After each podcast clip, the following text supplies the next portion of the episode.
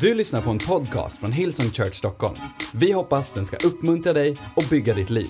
För att få mer information om Hillsong och allt som händer i kyrkan, gå in på www.hillsong.se. And that someone needs to know that there is hope to get up. There, is hope to get up. Now, now we tend to think of hope as like a desire or a feeling, like, like but, but desires and feelings come and go all the time.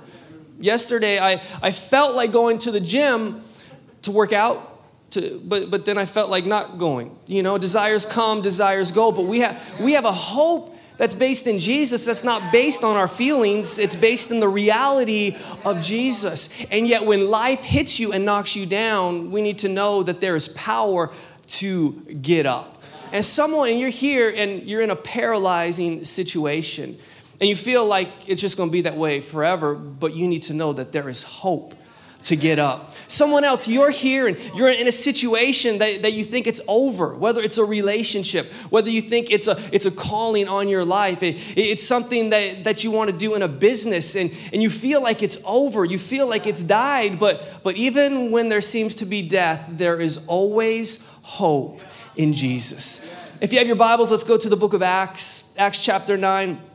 I'm going to read a few verses here, beginning in verse 32. Acts 9:32. As Peter traveled about the country, he went to visit the Lord's people who lived in Lydda. There he found a man named Aeneas who was paralyzed and had been bedridden for eight years. And Aeneas, Peter said to him, Jesus Christ heals you. Get up. That's for someone. Get up and roll up your mat. Immediately, Aeneas got up. All those who lived in Lydda and Sharon saw him and turned to the Lord. In Joppa, there was a disciple named Tabitha. In Greek, her name is Dorcas. She was always doing good and helping the poor. About that time, she became sick and died, and her body was washed and placed in an upstairs room.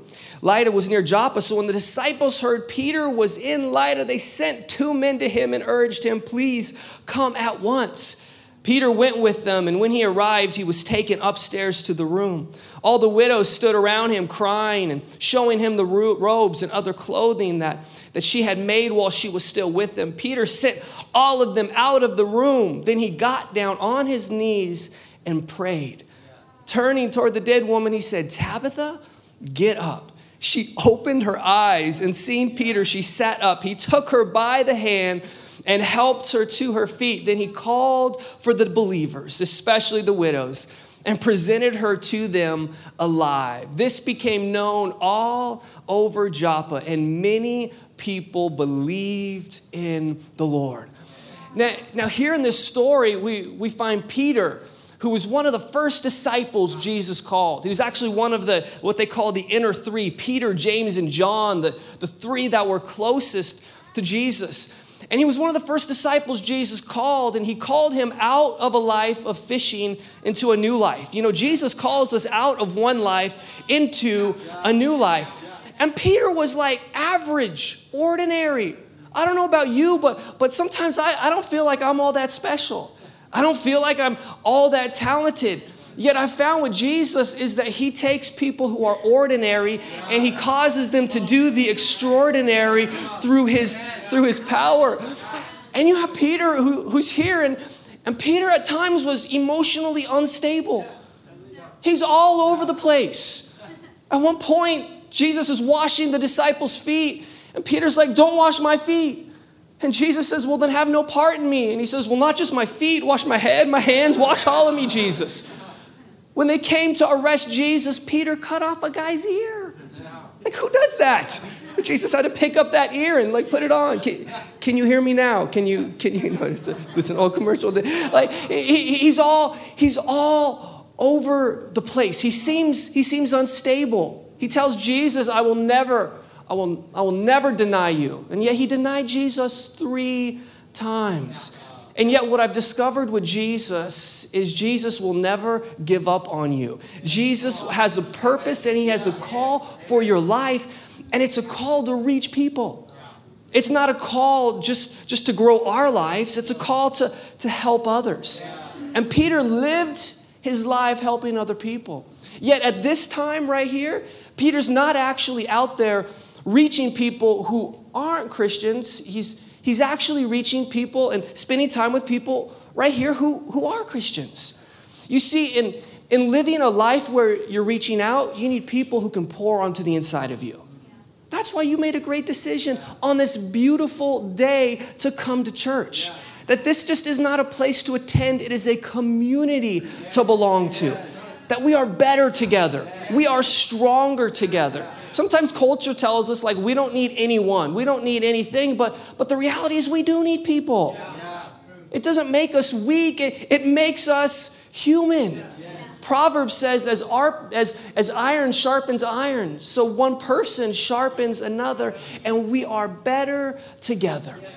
And so Peter is here, and he's there with, with believers, with, with Christians, and he comes across a man who is paralyzed. Are you paralyzed? Now, now maybe not on the outside, but, but what about on the inside? Are you paralyzed relationally? Are you paralyzed uh, emotionally? Are you paralyzed financially?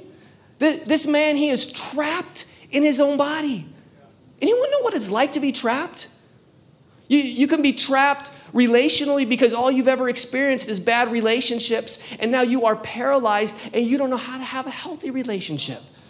Maybe you grew up with, with years of abuse, and, and so because of that, you're paralyzed and you don't know how to, how to get to emotional health. Maybe you had a business partner stab you in the back and take off with all your money, and so now you are paralyzed financially.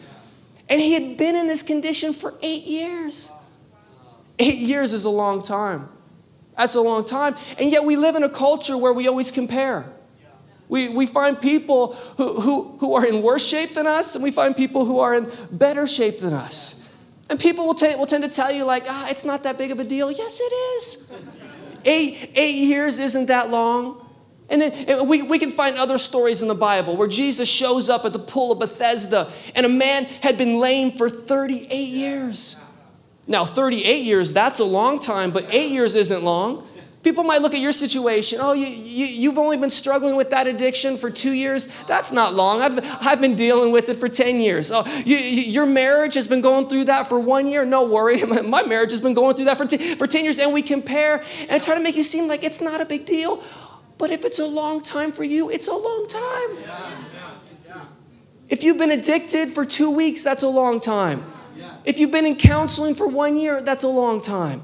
If you've been going to get medical treatment for, for six months, that is a long time. And have you ever found that when you're going through something and you're frustrated, time never goes fast? Like in the middle of the struggle, time stands still. It's like this is not going anywhere. And yet you need to know that even if you are in a situation where you are paralyzed, there is hope to. There is hope to. There's hope to get up. Now, this man is probably a Christian. Why do you say that? Because Peter was there to visit Christians.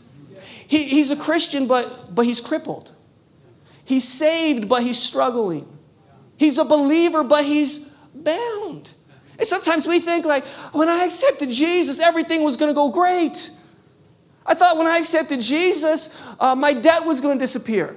I thought my boss was going to give me a raise. I thought I was going to find the perfect spouse. I thought I was never going to be depressed. I thought when I got saved, it's like you join the healthy, wealthy, happy, holy club where all we do is win, win, win, no matter what. And with Jesus, you do win, but winning, winning doesn't always look like we think it does. You, you, you see, you, you can, you can be winning and yet it looks like you're losing. Life isn't always what it seems, and you might be paralyzed in one area, but don't give up your power in the other area. This man cannot stand on the outside, but he could stand on the inside. He can stand on the promises of God. After having done all, stand on Christ, the solid rock I stand. All other ground is sinking sand because there is hope for you to get up this morning. And Peter, Peter looks at this man and he says, Jesus Christ heals you. He speaks. Do you know your words have power? Your words have so much power. We use our words loosely. You know that the power of life and death is in the tongue. When God created this world, He spoke things into existence. He said, Let there be dry ground. He spoke stars into the sky. He spoke the water into existence. And so often we just use our words to describe a situation when we can use our words to create. We can speak life, we can speak hope, and He into the situation, not about the situation. Notice how often we talk about things. Like anyone could have walked up to this guy and been like, uh, You're paralyzed. Of course. Like people walk up to you and you be like, Man, your situation's bad. Man, your, your, your marriage is in bad shape. Oh, you, your finances are, are in bad shape. Yeah, you, you know, yeah, your kids, they really are that. Like, and speak, speak about that, but, but what about not just describing what is, but in faith, what could be? And he starts out, and I love this, and he says, Jesus Christ heals you. Peter wants him to know from the beginning it's Jesus and it's not Peter. We're not here on this planet to develop, to de- develop followers of ourselves, but followers of Jesus. It's not about our popularity, it's about God's purpose. I remember when, when, Peter and John, a few chapters earlier, came across a man, and this, this man was begging at a gate called Beautiful, and he was just asking for spare change. And Peter's like, Silver or gold have I not? Because sometimes what people are asking for, we don't have. And so we just walk right past them. Let's not walk past people who are hurting, who are lost, and who are broken. And we might not have what they're asking for, but we actually have what they need. And he says, In the name of Jesus, rise and walk. This man gets up and, and he's dancing and he's happy because Peter not just spoke words, Peter actually reached out a hand and he pulled him out of his mess. You see, it's one thing to speak encouragement to people, it's another thing to climb into their mess. It is dirty to climb into that, into that situation and pull him out. And people were running. And Peter looked at all the people who were wondering what's going on. He, he says, You need to know it, it's not me, it's Jesus. He was brought before the Sanhedrin, which was the religious authority. They said, How did you do this? He says, It wasn't me, it's Jesus. Yet we live in a culture where, where it's how many social media followers do you have? How many people do we do know that, that actually know your name? One of my good friends is an actor named, named Terry Crews. I was talking this morning with, with us, someone about him. And Terry Crews is extremely popular, but, but he lives his life. He's like, it's not about how many people know my name, it is about how many people know the name of Jesus. And Peter speaks and he says, Jesus heals you. He's not ignoring reality, he's acknowledging a greater reality. You see, following God in faith, you don't ignore reality. It's not about being like dumb. It's not about like taking your brain out. It's saying all that's real, but there's a greater reality. And you might be in this condition, but that is a temporary situation. Your current condition doesn't have to be your permanent condition because of Jesus. I'm not going to ignore what is, but, but let's not let go of what can be. Jesus Christ heals, heals you. And then he looks at him, which I've been sent here today to tell someone, and Peter says, Get up. Someone, you need to get up from that hurt. You need to get up from that pain. You need to get up from that disappointment. Get up, and he says, and pick up or, or roll up your mat. Isn't that an interesting request? Like, why roll up the mat? Most of us, when we get up from something, we want to leave the mat to go back to. It, you, you see, on the mat, there's no responsibility. Uh, on, on the mat, everyone else does things for you. You don't have to work, you don't have to pay bills, you don't have to take care of anyone. It's comfortable on the mat. As much as we complain about the mat, we leave it because we want to go back to the mat. You, you need to say, I'm not going back to mat. Matt may be your ex boyfriend and say, I'm not going back to Matt. There, I am not going back. Whether it is a person, whether it is a place, whether it is an addiction, say, I'm not, I am not going to, we, we roll that thing up. I, I am not going to go. And No going back. And the Bible says immediately. Now you realize he's been in this condition for eight years? Immediately, but like, you, you see, sometimes it seems like this is gonna be forever what we're going through now is just going to be last forever, forever, forever. And then one moment on some Sunday, on a sunny Sunday, when you thought you should be out on the water, but you came to church, and immediately something can happen, and immediately he got up. I see someone getting up today from a broken heart. I see someone getting up from a broken situation, from a broken dream from a paralyzing situation and get and getting up. And, er, and people saw this. And here's the thing is when they saw that, people believed. They believed in, in Jesus. You see, it's not about the signs. The signs point to something. This is my wife's first time to Europe. And she didn't want to come here and hug a sign that says Stockholm with an arrow. That sign is not Stockholm. The sign is pointing. You, you see, the sign is not the thing. The sign is the thing that points to the thing. Ah. And sometimes we get so excited about signs and signs where it is not about the signs. It is about following Jesus, saying, I have abandoned the option to quit. Lifting up the name of Jesus, being bold about the name of Jesus, being unashamed about the name of Jesus, boldly following, following Jesus. Now, now it's at this time that in Joppa, which was not too far away, I've been to Joppa. when you go to Israel, you get to visit, you get to visit Joppa, and there's a woman there. And, and th- this woman named Tabitha, the Bible says that, that, that she did good and she helped the poor. How would people describe your life?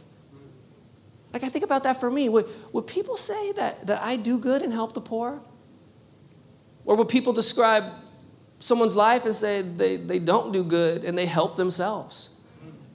Like, how would, how, how would, uh, think about like, like if you died today, don't, please, stay alive. Like, don't, don't, don't, don't die. But, but, but how would people describe your life? And it says that, that she did good and, and she helped the poor, and yet she got sick and she died. And reading this, I'm like, why her? Why couldn't someone else have died? You ever look at that?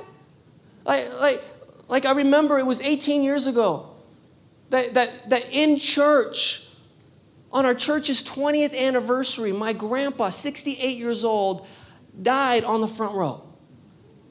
Only person in history I've ever seen at that moment just he went from worship to got even better and all of a sudden it was like it was like got even better for him and yet my grandpa he he always did good and he helped everyone. I remember thinking, like, why does it have to be him?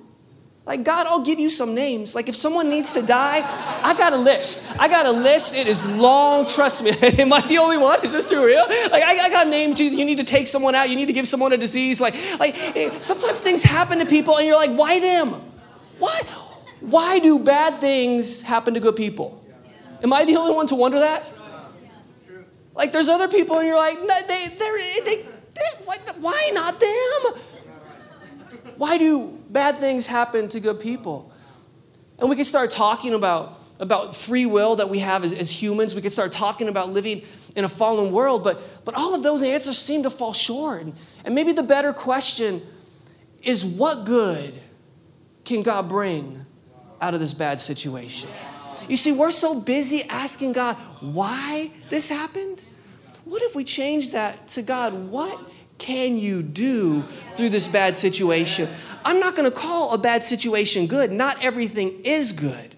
But Romans 8:28 says, "And God can work all things, which is not just good things, which is the bad things for our good for those who are called according to his purpose. That, that there can be a shift, that someone right now, your situation is not good. I'm, I'm, not saying it is, it's not good, but you can shift. And rather than saying, why did this happen, you can see how God can use what isn't good for your good. And, and, and so they, they wash this woman's body and they take her into an upstairs room that was a common practice as they prepared a body for burial. You, you know, sometimes we're preparing to bury something when Jesus is preparing to resurrect it. You, you're ready to leave a career that Jesus is going to resurrect. You're ready to bury a dream that God has put on the inside of you when Jesus is about ready to resurrect it. And they send for him. They send for Peter. They, they, they say, We need you. We need you fast. Two individuals came. And so Peter went with them. I don't know why, I don't know why they wanted him. Maybe they wanted him to come bring some comfort. You know, as as human beings, as believers, it's, it's important to comfort people. It's, it's great to speak encouraging words, and it's great to speak hope, but, but sometimes you just need to sit with them when they're going through a challenging time. Sometimes you just need to be there just, just, just to listen. You know, sometimes when people go through challenging times, we tend to separate ourselves because we don't know what to say. It's not about what we say, it's just about being there with them to comfort them. So, so maybe they wanted Peter to, to come and comfort them. Or, or maybe they were believing something was gonna, something was gonna happen. And so Peter shows there and, and he gets taken to this upper room. And the widows are there and they are weeping and they are holding on to the garments that, that this woman had made. You know that, that, that, that usually when someone passes away, we walk down memory lane about all the good things. You usually walk all the good times. All, and they're there living in the good times of the past, where Peter shows up and he's looking to the good things of the future. You, you see, so, someone here, you, you need to stop living your life in the rearview mirror. Even if it's good things, you need to realize you're not, you can't live in the past. In order to move forward, you got to let go of the past. As the great theologian Elsa says, sings, let it go. Let it, you got you to let some things go. And, and don't let the hopelessness around you diminish the hope that's within you. Don't, don't let the pain of the crowd take your focus off of the power of Christ. That in your most painful situation, you can experience power from Jesus. And so it's at that moment he says, Y'all gotta leave the room. Sometimes you gotta disconnect from some, from some people Sometimes you got to disconnect. Maybe it's not even permanently disconnecting. It's just say, hold, hold, hold on. You're, you're all focused on what was, but, but I'm focused on, on what is. And he sends them out. He sends them all out of the room. And he's there and he gets down. He, he gets down on his knees. How do you respond during difficult times? Are you on the ground crying? Are you complaining? Are you. You see, prayer should not be a last resort. Prayer should be a first response. Prayer is so powerful. Prayer shifts things. He begins to speak life. He, he, begins to speak hope. What are you speaking over your circumstances? What are you speaking over your situation? Are you speaking death? Are you speak even it, that it, it even if you're speaking accurately, there, there is actually a greater reality. Faith in Jesus, that, that this situation, you maybe is, it's just looking at you like it's a dead situation, but, but even, if, even if it seems dead, there is hope to, to get up. And he calls her by name. You, you need to call that situation by name. I don't know what it is for you. If it's a relationship, call it by name. I don't know if it's a person next to you, not right now. Call, call, call that person by name. I don't know if it's a financial situation, if it's a dream that God's put on the inside of you, calls that situation by name, and immediately her eyes open. I gotta think Peter's eyes open too. Whoa, I would have been like, what in the world? It's, this sounds crazy. She sits up, and Peter reaches out. He re- once again reaches out his hand. That's what I love about Peter.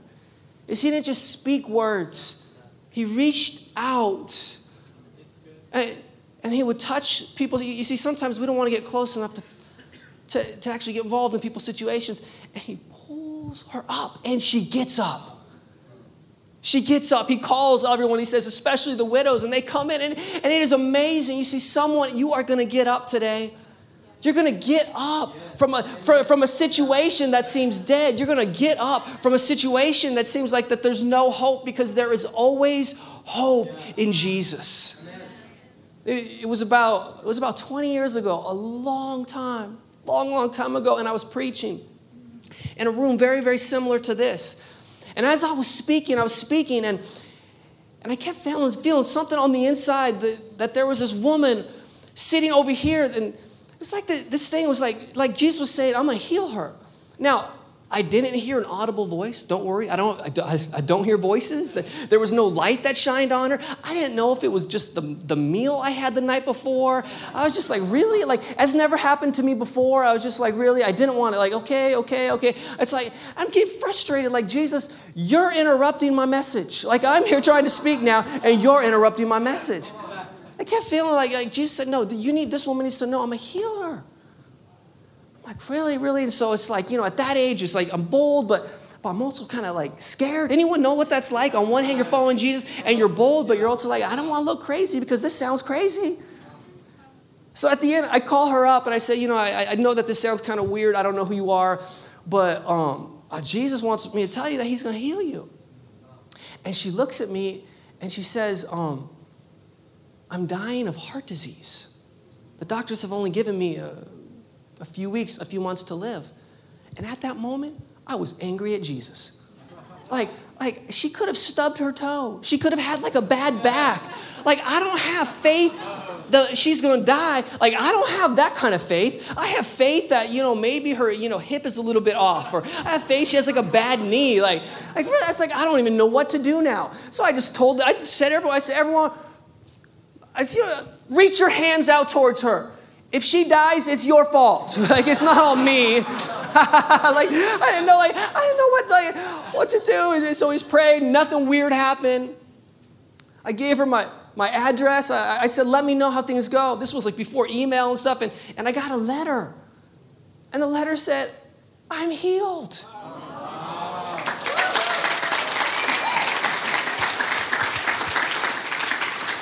That was not my response. My response was, I don't think so. like, uh uh no, he didn't. Like, Jesus, you know, like, I, so I wrote her back. I was like, "Are you sure? Like, did the doctors make a mistake? Is this too real? Like, like may, may, maybe the original test was wrong. Maybe you know, get it checked again. Uh, uh, would you mind sending me your doctor's reports? I know it's confidential medical stuff, but but but would you mind sending that to me? Like, and, and so a few weeks later, I get pages and pages of official documents from the hospital that test after test after test where, where, where, where, her heart and all that was getting worse and, was, and there was nothing else they could do. And then test that the doctors didn't know what happened. Everything was great. Next test, everything was great. I'm, I don't even, like, how do you even describe that? Only Jesus can do that. Peter can't. I can't.